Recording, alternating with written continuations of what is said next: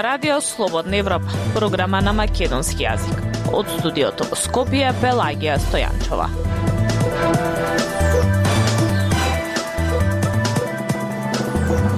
Во денешната емисија на Радио Слободна Европа објавуваме Пристапот на Ковачевски Петков за решавање на спорот меѓу Македонија и Бугарија силно критикуван од опозициите во двете земји. Синдикатите бараат висока минимална плата, оти поскапеа и храната и парното и струјата. Во главата пишувам раска се насловена фотографската мапа на писателката Елизабета Баковска и фотографот Саша Димовски. Слушајте.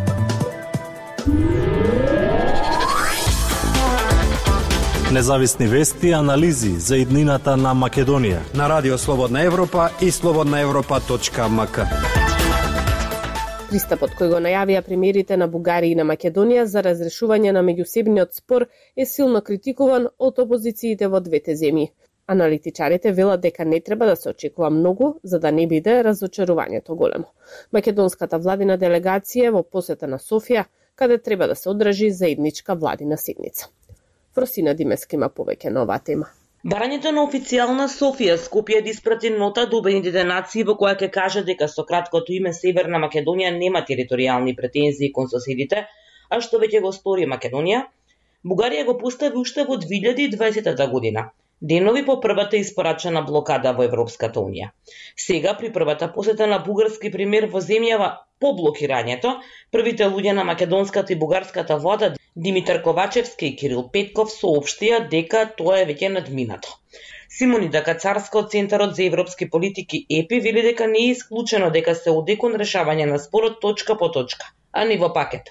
Но таа предупредува дека мора да се биде многу внимателен. Оти македонскиот простор за компромис со Бугарија е исклучително тесен. Секоја од овие отстапки е поврзана со наредната, и поради тоа треба да биде многу внимателно кога истите ќе се прават.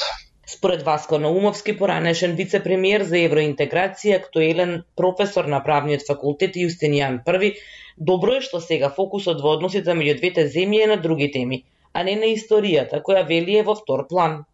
Останува прашањата кои што ги раздалечуваат двете страни да бидат е, решени онолку колку што е можно побрзо, тоест најде решение за тие прашања за кои што може да се најде, а за останатите да се остави да бидат решени евентуално после почетокот на преговорите.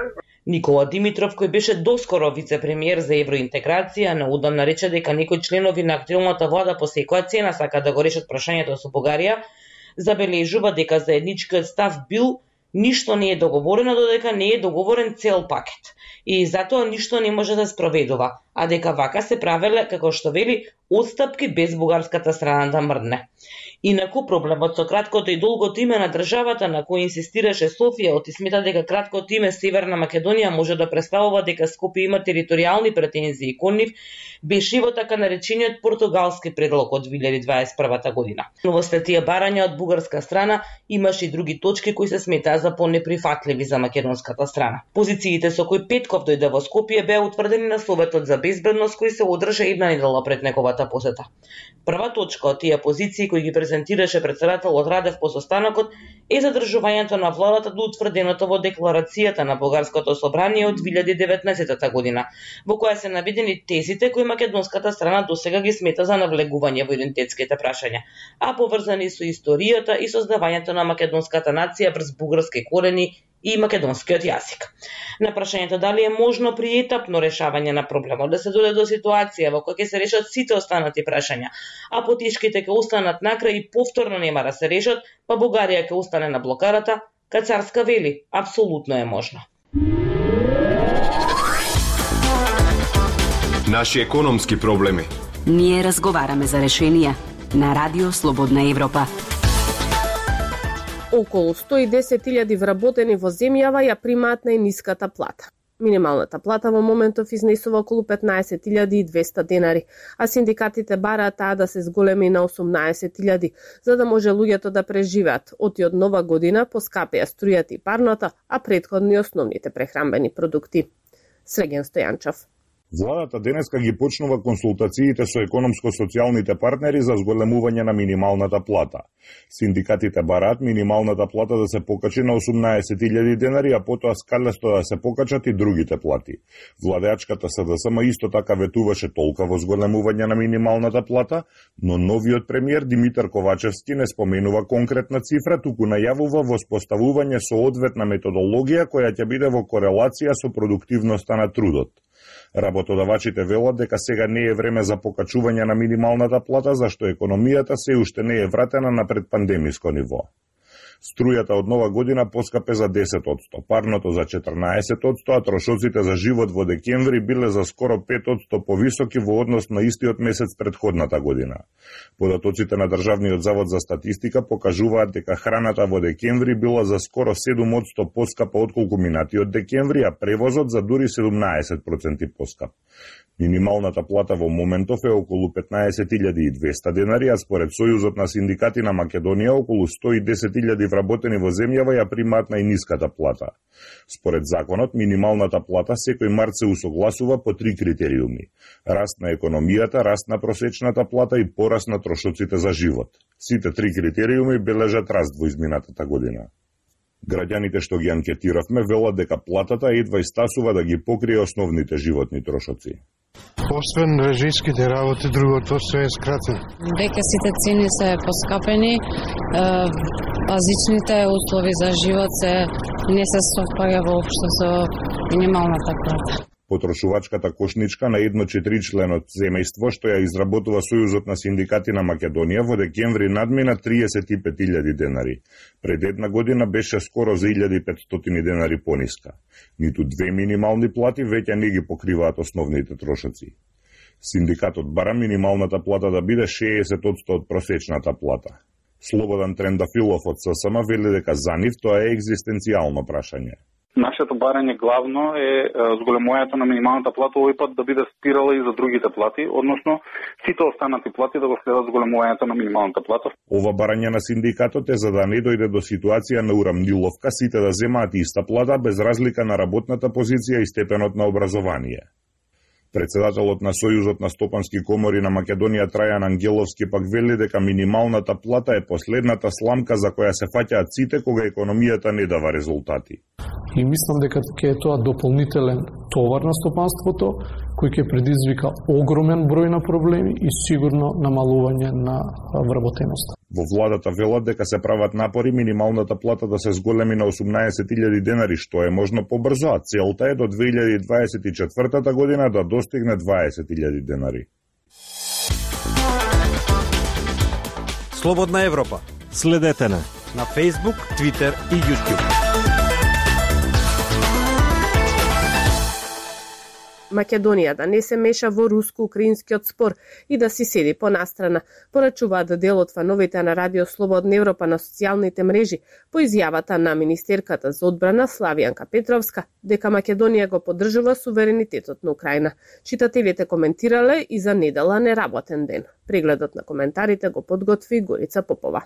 Новата министерка за одбрана Славјанка Петровска во дневникот на телевизија 24 изјави дека нашите институции ги следат случувањата во врска со Украина, поврзани со поставувањето вооружени сили од страна на Руската Федерација долж границата и дека Македонија го поддржува суверенитетот и територијалниот интегритет на Украина. Зачудува големиот број негативни постови против министерката и незините зборови. Зоки Бошков напишал, вие нашиот го заштитивте, па на Украина ќе го заштитите. А Сашко Стојановски иронизира, Путин ја лупа главата сега. Рефик Хасани со краток коментар, си барате белјата, и Спиро Китановски со слично мислење дека ја вмешува Македонија во многу лоша состојба. Зоран Атанасов прашува, од смрзнување дали ќе бидат заштитени вашите граѓани, сто стапа под тук грб не болат. Димитар Делевски здраворазумно, Украина има право да си ја брани независноста на државата, Русија е агресор што сака да ги смени границите, вели и додава. Таквата идеја е опасна и за нашата држава. Блажо Холер страшниот коментирал, а да се тргнат од Украина и Русија, американци и ЕУ и украинците сами да си решат со кого сакаат понатаму. Ама тешко тоа. За неделата како неработен ден според новото законско решение исто така има многу ваши коментари почитувани, особено по изјавата на премиерот Димитар Ковачевски при посетата на една компанија во која заради производствениот процес вработените мора да работат и во недела. Ова е одлична можност да се види како изгледа примената на законското решение.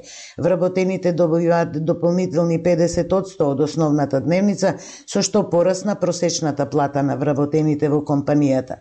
Подпишан со природата на Македонија на нашата Facebook страница коментирал Во хотелите викаат пупу не важи, ние работиме 24-7, нема повисока дневница за недела, а Реджеп Араш Каја Каја му препорачува на премиерот. Остај дневниците, гледај минималната плата покачете. Блажо Хогар страшниот коментирал и за оваа тема. Ајде да ве видиме, удрете по газдите кои не го почитуваат законот, казнувајте дебело. Во спротивно ќе сметаме дека ги поддржувате во тоа кршење на законот. Крсто Митев пак препорачува. Трудовите инспектори треба да се секогаш на терен и да не ги прикриваат газдите. Култура и уметност. На Радио Слободна Европа. Во главата пишувам расказ е насловена фотографската мапа на писателката Елизабета Баковска и фотографот Сашо Димовски, што како само издание се појави неодамна. Во фотокнигата се поместени 64 раскази и 115 фотографии, а ова е нивна трета творечка соработка. Лјупчо Јолевски.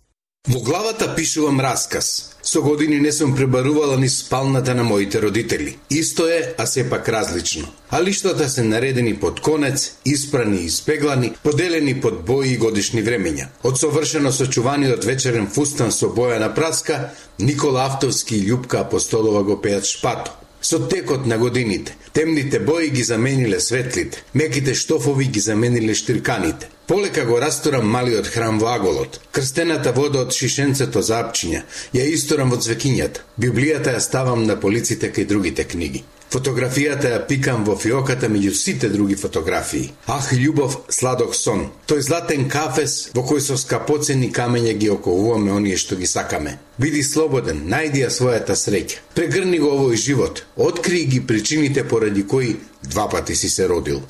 Ова е 46-тиот од вкупно 64-те раскази на Елизабета Баковска поместени со 115-те фотографии на Сашо Димовски во нивната фотографска мапа насловена во главата Пишувам расказ, што како самоиздание се појави на крајот на 2021 година, а на чија промоција, здравје, да се надеваме дека ќе бидеме свидетели во догледен период. Текстуалната предложка на оваа книга се раѓаше додека умираше мајка и на Бети. Во периодот на последните десетина дена од нејзиниот живот, па се до 40-тиот ден по нејзината смрт, од 7 септември до 26 октомври 2018 година, Бети напиша 64 куси раскази. Расказите, лирски текстуални колажи од сеќавања и емоции, со цитати од книги, музика и филмови, таа во овој период ги објавуваше на својот профил на Facebook. Секој од нив ја имаше истата почетна реченица. Во главата пишувам расказ. Ке напише Димоски.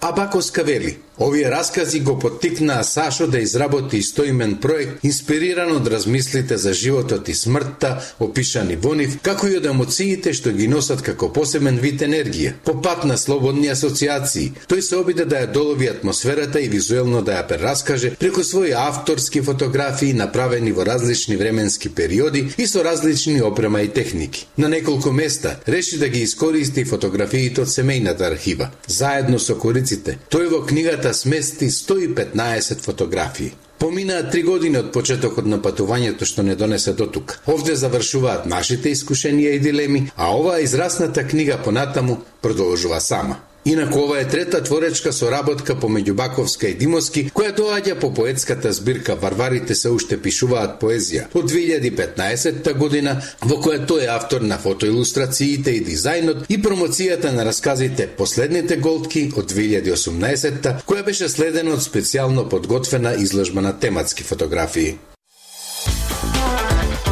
Ја слушавте емисијата на Радио Слободна Европа, програма на македонски јазик. Од студиото во Скопје со вас беа Пелагија Стојанчова и Дијан Балаловски. До слушање.